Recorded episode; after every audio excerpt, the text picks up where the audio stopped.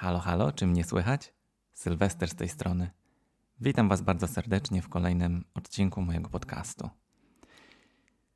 Czasami, jak myślę o niektórych etapach mojego życia z przeszłości, niektóre wydają się tak absurdalne, że wręcz wydaje mi się, że to przecież nie mogło być moje życie. I to, o czym Wam dzisiaj opowiem, jest tak oderwane od rzeczywistości i kompletnie abstrakcyjne, że nigdy nie miałem nawet okazji poruszyć tego tematu w moich internetowych treściach, czy to we vlogach, czy w podcastach. No ale zacznijmy od początku. Kiedy chodziłem do szkoły podstawowej, byłem bardzo zamkniętym w sobie dzieciakiem.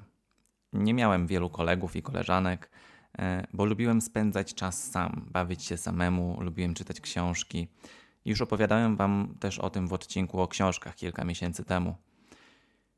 Miałem oczywiście kilku bliskich kolegów, ale było to nic w porównaniu z niektórymi innymi przebojowymi dzieciakami, które ciągle socjalizowały się ze swoimi rówieśnikami. Ja nawet nie lubiłem chodzić na imprezy urodzinowe. Jeszcze te w McDonaldzie, no to, no to jeszcze. Ale te na przykład u kogoś w domu, gdzie były też dzieci, których nie znałem, albo czyjś kuzyni, albo inni członkowie rodziny, to już w ogóle był taki totalny koszmar dla mnie w tamtym, w tamtym okresie. E, sam też na przykład nigdy nie chciałem mieć takich urodzin z kolegami, czy nie wiem, chodzić do szkoły w urodziny z workiem cukierków dla klasy. E, żeby przypadkiem nikt nie śpiewał 100 lat, bo to już w ogóle nic, tylko zapaść się pod ziemię. Urodzony introwertyk. E, tak, urodzony introwertyk, a do tego jeszcze w tamtym czasie jedynak. Wszystko trochę zmieniło się, kiedy poszedłem do gimnazjum. E, zakolegowałem się wtedy z grupą kilku dziewczyn z klasy i pierwszy raz poczułem, że wychodzę z takiej swojej skorupy, w której siedziałem przez całe dotychczasowe życie. Już nie spędzałem wtedy z drugą osobą czasu, e, głównie w kontekście grania razem w gry komputerowe albo chodzenia razem do biblioteki, poczytać komiksy w czytelni. Chciałem spędzać czas ze znajomymi, po to, żeby właśnie spędzać z nimi czas, właśnie dla tych kontaktów socjalnych. A kiedy nie mogło mnie z nimi być, e, no to miałem takie wielkie FOMO, że o mój Boże, e, nie ma mnie w szkole albo na podwórku, albo nie ma mnie z nimi na wagarach, więc, więc coś mnie na pewno omija.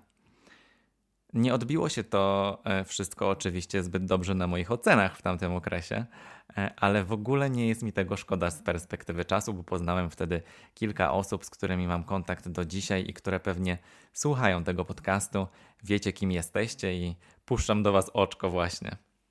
Także więc gimnazjum zrobiło ze mnie nastolatka, który chciał cały czas spędzać ze swoimi znajomymi.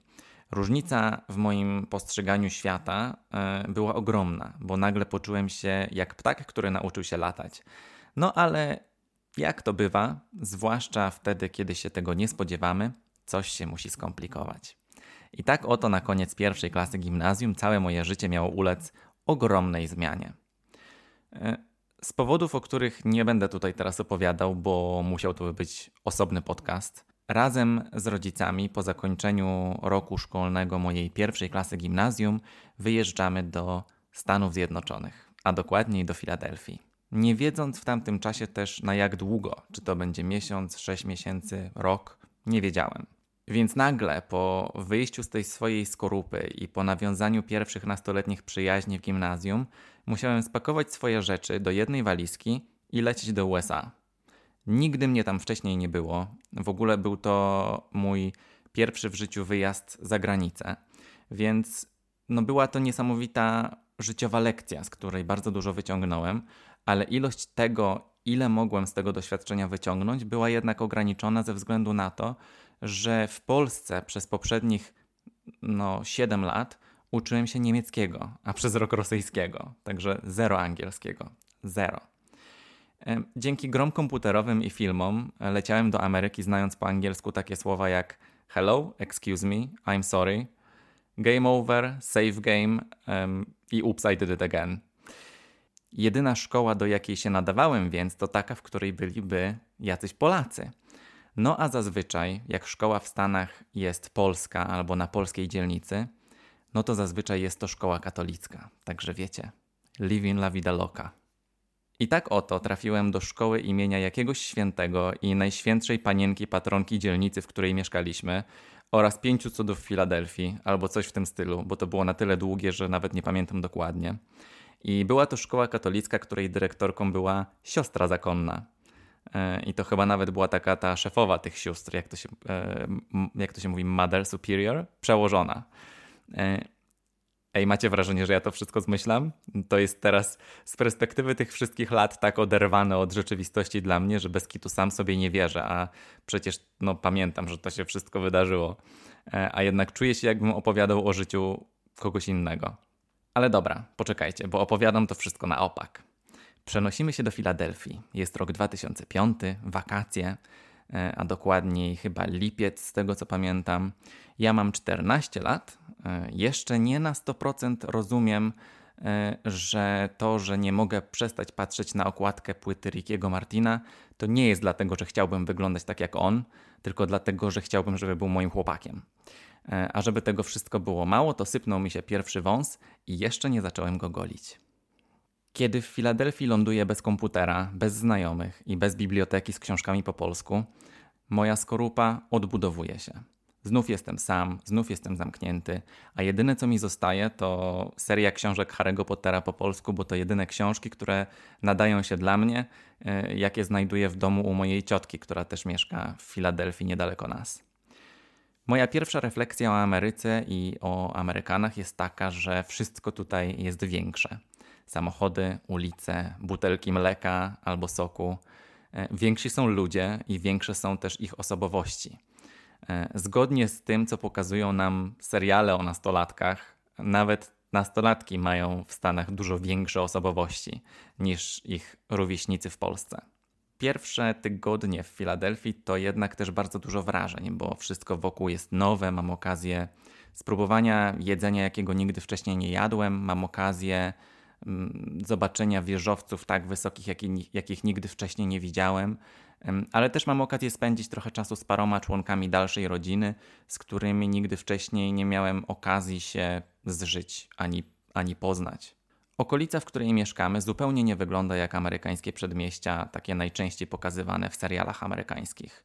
E, bardziej jak taka siatka ulic w kratkę, wyłożona szerogowymi, ciasnymi domkami E, i wszystko wraz z ogródkami tych domków jest wylane cementem. Chodniki są wąskie, bo wszyscy jeżdżą samochodami, e, a jak szybko się okazuje, to wracanie z zakupami z supermarketu piechotą to trochę siara, jeśli znajomi ze szkoły cię zobaczą, bo może to świadczyć o biedzie. Lato w Filadelfii jest jak lato, którego nigdy wcześniej nie miałem okazji zaznać, bo powietrze jest tak wilgotne, że wieczorem widać jak taka gorąca, para bucha. E, ma się wrażenie, że, że ulice parują tak przy latarniach, e, widać kłęby powietrza. Obrzydlistwo w ogóle, bo to też duże miasto, więc tak mi się to kojarzy z takim trochę śmierdzącym, mokrym powietrzem. E, no i okej, okay, wracamy do tematu. Mijają wakacje, nieubłaganie, i coraz bardziej przytłacza mnie perspektywa pójścia do szkoły 1 września. Wreszcie nadchodzi moment e, zapisania mnie do szkoły i, i, nie jest to, słuchajcie, kwestia pójścia do sekretariatu, a raczej wizyty w gabinecie matki przełożonej, e, siostry, nie pamiętam jej imienia, nazwijmy ją Judyta, która sprawia wrażenie takiego połączenia profesor McGonagall e, z Harry'ego Pottera i dyrektorki szkoły z filmu Matylda. Tak wiecie, należy się bać, wiecie o co chodzi. Przy takich momentach jak ten y, jest mi bardzo wygodnie, gdy mogę się wymigać z rozmów z osobami, które są takie no trochę zawstydzające, y, bo udaję, że nic nie rozumiem, y, chociaż jakby dużej ilości tego, co się mówiło po angielsku, oczywiście nie rozumiałem, ale zawsze jakby się chciało, to dałoby się wywnioskować z kontekstu trochę więcej. E, no ale jakoś ta, to spotkanie mija, ta siostra Judyta e, mnie przyjmuje do szkoły, zapisuje na kartce dla mojej mamy, gdzie się udać, żeby kupić mundurek e, i inne takie szkolne przedmioty, które potrzebuję na pierwszy dzień. Po czym na odchodne mówi mi, że przed rozpoczęciem szkoły muszę zgolić wąsa, bo inne dzieci będą się ze mnie śmiały. Trochę mało po katolicku, nie? Przecież można powiedzieć, że szkoła nie pozwala na zarost. No ale jednak idąc wraz z duchem miłosierdzia Bożego, chyba lepiej zawstydzić przestraszonego czternastolatka, który nie mówi po angielsku, a za tydzień ma zacząć lekcję kompletnie nie znając języka i, i nie znając nikogo w nowej szkole. E, matka przełożona nawet nie fatyguje się, żeby być dyskretną, tylko pokazuje to tak, żebym, żebym widział, o czym mówi. E, I widzę też uśmieszki innych sióstr, sekretarek, które siedzą przy komputerach w tym, w tym biurze. Także heheszki jak cholera. Do tej pory nie wiem, co w tym takiego śmiesznego, bo siostra Judyta sama miała wąsy bardzo podobne do moich. Także takie było moje pierwsze wrażenie i pierwszy kontakt z amerykańską szkołą, ale dopiero się rozkręcamy. W ciągu kolejnych dni pocztą pantoflową po polskiej dzielnicy roznosi się, że jest nowy przybysz, który nie zna nikogo, zaczyna szkołę e, i nie mówi po angielsku. Więc pewnego wieczoru zostaje wezwany na parafię na wizytę do księdza proboszcza. Więc idę tam do niego i okazuje się, że, e, że ksiądz proboszcz mówi po polsku, E, a zaprosił mnie do siebie na herbatę i ciastka w parafialnej kuchni przy stole pokrytym ceratą w babcine wzory, dlatego że chciał mnie zapoznać z dwoma innymi chłopakami z dzielnicy, którzy są w moim wieku i też mówią po polsku. Obaj, mimo tego, że mają tyle lat co ja, zaczynają w nadchodzącym roku szkolnym high school. Co prawda, ja mam iść do ósmej klasy podstawówki, e, ale zawsze wiadomo, to jacyś rówieśnicy. Pierwszy z nich, nazwijmy go Danielem, zupełnie nie jest zainteresowany zakolegowaniem się ze mną. Nie wiem, może zazdrościł mi jeszcze niezgolonego wąsa. I na wszystkie słowa proboszcza po polsku odpowiada przy mnie po angielsku. E, I, I ksiądz zwraca mu uwagę, że to niekulturalne wobec mnie jako osoby, która nie rozumie, e, ale Daniel totalnie go ignoruje. Na szczęście drugi z chłopaków, nazwijmy go Tom, E, chętnie się udziela i w ciągu kolejnych dni często spotyka się ze mną, oprowadza po dzielnicy, zapoznaje z innymi nastolatkami, e, też właśnie Polakami e, w okolicy i przede wszystkim pomaga mi się zarejestrować w lokalnej bibliotece. I wszystko tam jest oczywiście po angielsku, ale jest to biblioteka, więc czuję się tam trochę jak w domu. Do tego są tam komputery, więc mam okazję na gadu-gadu odezwać się do znajomych z Polski. E, a do tego można z tej biblioteki za darmo wypożyczać kasety VHS i płyty DVD z różnymi filmami e, i z anime. E, wreszcie coś takiego podnoszącego mnie na duchu w tym, w tym obcym świecie. Wiadomo, wszystko po angielsku, ale no lepsze, lepsze to niż nic. Oczywiście wszystkie nastolatki, jakich poznaję dzięki mojemu nowemu koledze, również uczęszczają do katolickich szkół, E, bo te prywatne, religijne szkoły są uznawane za lepsze niż szkoły publiczne. I któregoś dnia Tom zabiera mnie do domu swojego kolegi, żebyśmy pograli na konsoli w jakieś tam niestety sportowe gry. E, a ten w ciągu pięciu minut od przedstawienia się, e, kiedy tylko Tom znika na chwilę spokoju, pyta się mnie, czy przywiozłem z Polski jakieś dobre pornosy na płytach. Także widzicie, boys will be boys, nieważne z jakiej e, są szkoły. A mój kolega Tom e, jest w ogóle ministrantem, zapomniałem wspomnieć. Jest ministrantem, który zna każdego księdza i każdą siostrę w parafii e, i nie opuszcza żadnej mszy.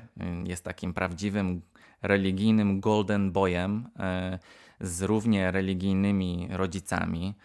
Jego ojciec chyba nam tam nawet grał na organach w kościele czy coś takiego tak, generalnie bardzo religijna rodzina.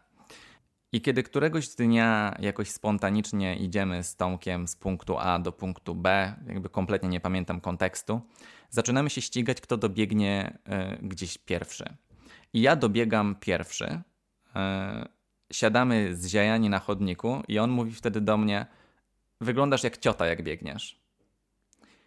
Tak, boys will be boys. Odpowiadam mu tylko, że przynajmniej biegam szybciej niż on. E, chwilę później Tom opowiada mi, że jego największą inspiracją w życiu jest ojciec Pio. Więc jak widzicie, wszystkie moje doświadczenia bardzo się mm, kupy nie trzymają, jak dotychczas. Nadchodzi rozpoczęcie roku szkolnego, e, a dla mnie też bardzo symboliczny dzień wchodzenia w męską dorosłość, czyli pierwsze golenie wąsa Co to za ceremonia?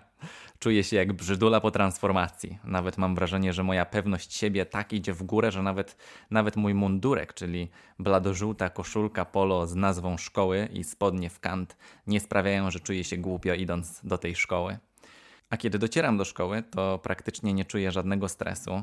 E, jestem już przyzwyczajony do tego, że kiedy udaję, że nie rozumiem absolutnie nic, to zawsze znajduje się ktoś, kto mnie prowadzi tam, gdzie mam pójść. Więc w szkole zostaję zaprowadzony do mojej klasy. Ósma jest tylko jedna, nie ma tam A, B, C i tak dalej. E, I ląduję tam w ostatniej ławce w klasie, co jest w ogóle super, e, bo no, z tyłu zawsze jakby czuję, czułem się bezpieczniej. W szkole każdy dzień zaczyna się od lekcji religii. Najpierw modlitwa, później katecheza, na koniec znów modlitwa. Później kolejne lekcje, codziennie taki sam plan zajęć. E, raz w tygodniu zamiast jednego z przedmiotów, chyba albo historii, albo science, e, mieliśmy WF. E, jakoś tak to było, nie pamiętam już dokładnie. Przed przerwą na lunch znów modlitwa, no i po powrocie żeby zacząć ten kolejny blok zajęć. Znów modlitwa, no i na koniec dnia przed wyjściem znowu trzeba było zrobić modlitwę. Także dużo czasu to wszystko zajmowało. Już podczas pierwszych zajęć zauważam, że ławka w ławkę ze mną e, w rzędzie obok siedzi, e, siedzi dziewczyna. Ma długie blond włosy, taki lekki makijaż. Wygląda na taką trochę wredną i taką, której wszyscy się boją. E, I mówi po polsku. I wiecie co, już pierwszego dnia ona zauważa, że ja rozumiem więcej niż daję po sobie poznać. I podoba jej się to, bo sama, sama wydaje się być cwaniarą, więc chyba nabijam sobie u niej punkty. E, widzę, że wszystkie dziewczyny z klasy jej nadskakują w trakcie przerw, e, więc no, trzyma ona trochę wszystkich w garści. E, także stwierdzam, że muszę koniecznie się z nią zakolegować. W szkole przecież nikt nie chce mieć takiego wroga już tak na marginesie, kiedy, e, kiedy po szkole widzę dziewczyny z klasy i to, jak są ubrane, e, jakby nie w mundurku, tylko po swojemu, e, to bez kitu ich nie poznaję. Każdego dnia mam w ogóle coraz bardziej wrażenie, że ta szkoła to jedna wielka przykrywka i udawactwo. W szkole religia, krzyżyk na łańcuszku, pięć modlitw i Biblia w plecaku, a po szkole miniuwa, makijaż i w tango. Wiecie, ja tutaj oczywiście nie mam nic przeciwko miniuwom, e, makijażowi ani pójściu w tango, e, ale tak jak już powiedziałem, no coś tutaj się to wszystko kupy nie trzyma, prawda? Bardzo jestem zaskoczony, kiedy nagle w piątek w trakcie lekcji wszyscy wstają i schodzimy całą klasą po schodach y, na dół, na parter i wychodzimy na zewnątrz. I tak obserwuję. Nie wiem, byłem tak nierozgarnięty, że zupełnie nie zauważyłem jakby kontekstu w czasie lekcji, co musiało się wydarzyć. E, więc no, nikt nie zabrał ze sobą plecaka ani innych szkolnych rzeczy. Nic nie wiem o żadnej wycieczce. Jakiś spacer to tak trochę dziwnie w trakcie, w trakcie zajęć. E, no i okazuje się, że idziemy do kościoła obok szkoły. E, no bo to przecież część parafii, więc właściwie to 20 metrów od szkoły jest kościół. E, I moja pierwsza myśl jest taka, że, że co to za okazja, żeby w trakcie lekcji iść na mszę. Albo może będą nam pokazywać jakieś obrazy, albo coś związanego z historią. E, no, nie, kochani, okazuje się, że w kościele ustawiamy się w kolejce do konfesjonału, a nauczyciele pilnują, żeby każdy się wyspowiadał i odhaczają każdego według listy obecności. I tak jest w każdy pierwszy piątek miesiąca. Na koniec dnia w piątek, e, jako zadanie domowe, dostajemy głównie czytanie lektury i pójście na mszę w niedzielę, bo w poniedziałek nauczycielka będzie nas pytać o szczegóły. Ale to nie tylko nauczyciele pilnowali, żebyśmy chodzili na mszę. Na dzielnicy był też ksiądz, taki ojciec, nazwijmy go Mateusz, bo jeździł po okolicy rowerem i wszyscy go znali. I on na przykład pilnował, czy wszyscy byli e, na mszy w niedzielę. E, I kiedy pewnego dnia spotykam go po drodze do szkoły, e, to mimo, że byłem na mszy w niedzielę, on robi mi kazanie, że, że stałem za daleko, bo on mnie widział, ale tylko przez chwilę, że mam stać bliżej. No a i tak miałem nieraz wojnę z moim ojcem w domu o to, że nie chcę chodzić do kościoła, więc to, że w ogóle stałem z tyłu tego kościoła, to już był i tak wysiłek z mojej strony. Także według księdza Mateusza e, w kościele należy być z przodu, najlepiej w pierwszym rzędzie, e, tak żeby ksiądz widział e, i żeby wszyscy wokół widzieli. Tak jakby nie zdawali sobie sprawy z tego, że siedząc z przodu też da się nie słuchać. No ale przecież najważniejsze jest to, żeby było nas widać. Szkoła wymaga ode mnie, żebym poszedł do bierzmowania, bo w mojej klasie już wszyscy byli. W Ameryce bierzmowanie jest wcześniej niż w Polsce, chyba w szóstej klasie więc mam nakazane chodzenie na przygotowania do bierzmowania e, w jakieś tam kolejne dni po szkole. I wyobraźcie sobie, że kiedy nie pojawiam się na tych zajęciach przygotowawczych, bo idę z kolegą połazić po okolicy, to ksiądz Mateusz w ciągu 15 minut już o tym wie, podjeżdża rowerem pod nasz dom i pyta się mojej mamy, dlaczego nie ma mnie w parafii. Akurat tak się składa, że niedługo później wracam do domu, więc mama informuje mnie o wizycie księdza. W ogóle wstyd i siara, jak nie wiem. E, no i e, koniec końców biegnę na te zajęcia. E, jest tam ksiądz proboszcz, patrzy na mnie spod byka, ale no, zajęcia mam odbębnione. Po kilku tygodniach w tej szkole mm, wpadam w coraz większego doła. Nie chcę tego nazywać tutaj depresją, bo nigdy nie miałem stwierdzonej depresji przez profesjonalistę ale przez to całe osaczenie religią, religijną dyscypliną, przez tą inwigilację, tą ingerencję w moje pozaszkolne życie, e, w ogóle przez tak nową szkołę, nieznajomość języka, nieodnalezienie się w nowej rzeczywistości, no i tęsknotę za domem i przyjaciółmi, to moje życie zamienia się w takie odbębnianie dni. Idę do szkoły, robię co muszę, udaję, że nie rozumiem więcej niż faktycznie nie rozumiem, bo tak jest łatwiej. Wracam do domu, kładę się spać i budzę się wieczorem, żeby zjeść kolację, a po kolacji idę z powrotem do łóżka. I tak codziennie.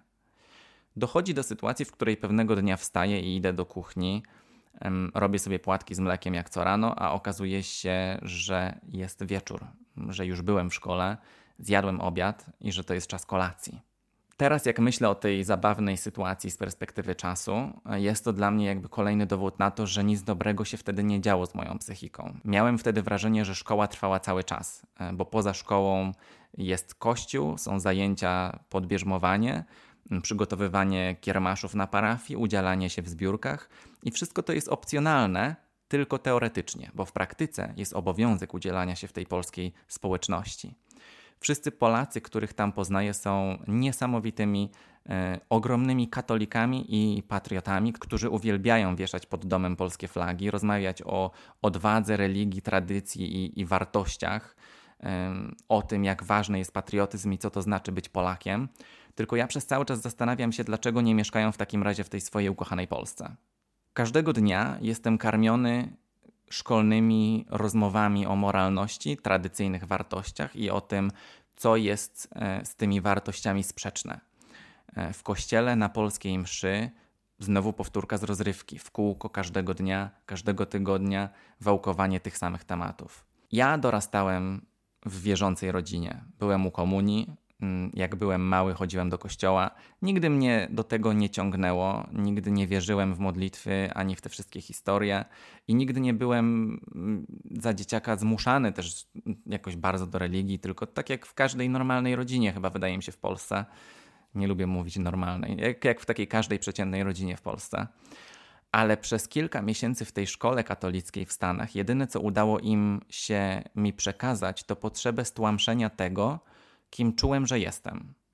E, bo z jednej strony coraz bardziej rozumiałem, że ta sytuacja mm, z płytą Rickiego Martina to, to bardziej kwestia tego, że jestem zauroczony, e, a z drugiej strony miałem świadomość tego, mm, czym są te całe chrześcijańskie wartości, a lekcje o tym, co jest grzechem, a co nie, e, i jak dostać się do nieba, zaczynały coraz bardziej oddziaływać na moje zdrowie psychiczne.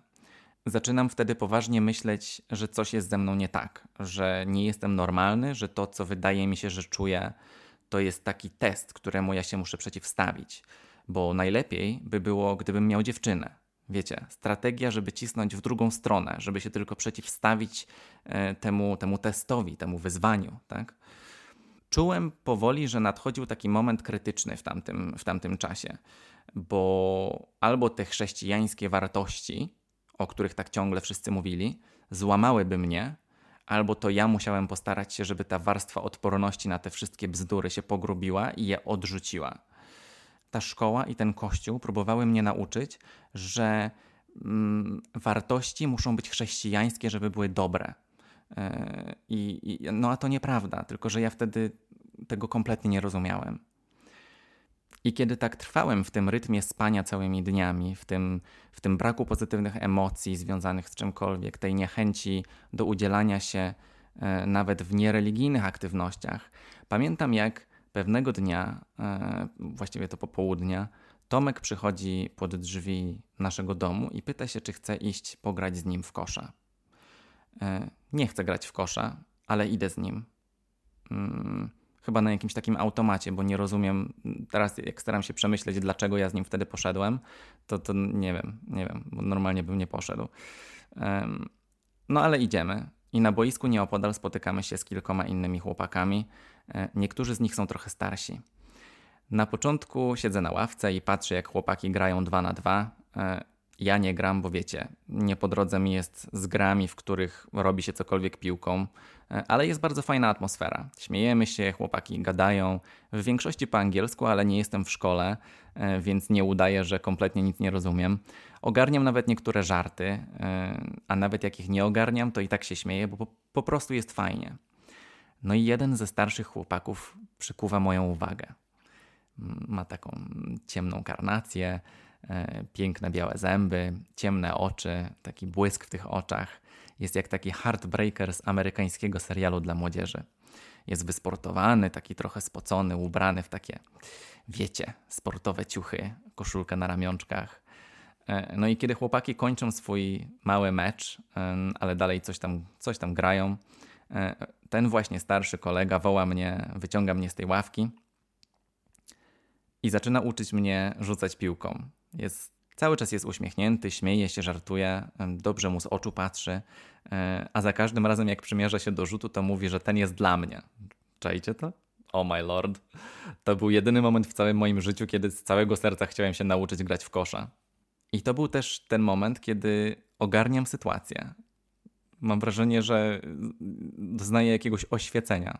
Hmm bo zauważam, jak przyspiesza mi serce, jak robi mi się sucho w gardle i wcale nie dlatego, że biegam za piłką, tylko przez tego kolegę. Żadna religia, żaden ksiądz, e, żadna katolicka szkoła, ani nawet papież nie wmówią mi, że to, jak mi było dobrze spędzając te godzinę czy dwie z moim pierwszym prawdziwym kraszem, to coś złego albo że to coś obrzydliwego. Nikt mi nie wmówi, że to nieprawidłowe, że chciałbym się z nim trzymać za ręce, iść do kina, spędzać z nim czas. Nikt mi nie wmówi, że to coś obrzydliwego. Albo że to, że nie mogę przestać o nim myśleć przez wiele kolejnych tygodni, to powód, dla którego nie pójdę do nieba.